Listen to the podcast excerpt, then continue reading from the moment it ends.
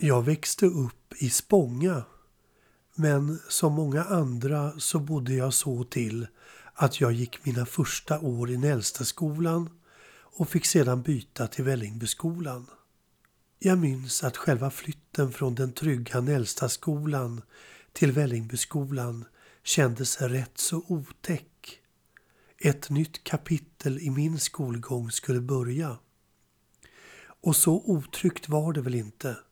För där i den nya skolan väntade ju flera klasser som tidigare hade gått i den äldsta skolan och mina skolkompisar från samma årskurs.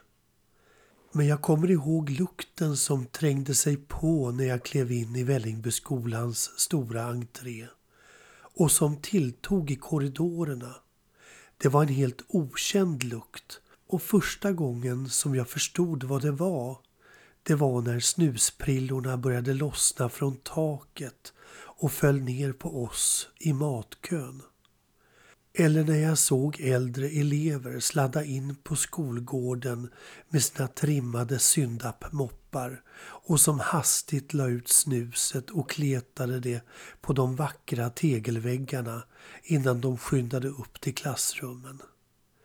Det gällde att vara osynlig som sjundeklassare att försöka hålla sig någorlunda anonym och inte sticka ut.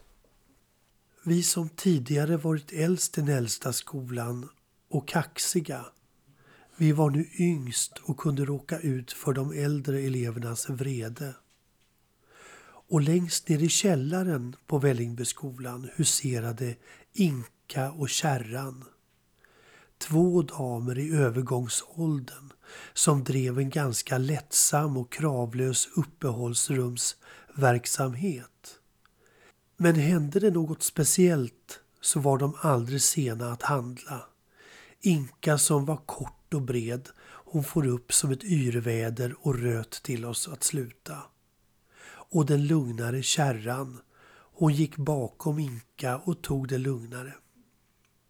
Min bästa kompis Mattias stoppade en dag in glasspapper i kärrans och Inkas kaffemaskin. Det var en sån där som hade en vattentank och ett element som värmde upp vattnet. Och när vi skulle gå upp till lektion så fick vi ett infall av att busa med de båda damerna. De bad oss stänga dörren till deras expedition och lämna dem ensamma och vi blev nog lite sura och belamrade dörren med ett antal gymnastikbänkar och skåp för att sedan gå upp till lektionerna. När vi efter några timmar kom tillbaks till brottsplatsen så möttes vi av en del tumult.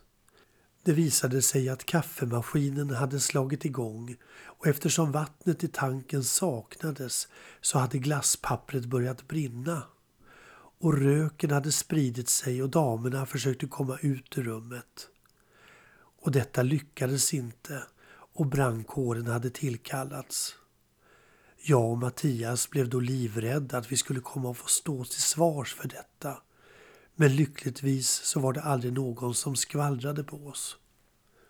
Och Inkan och kärran var redan tillbaka dagen efter och berättade vitt och brett för oss barn om hur de dagen innan hade utsatts för ett mycket allvarligt och farligt sabotage.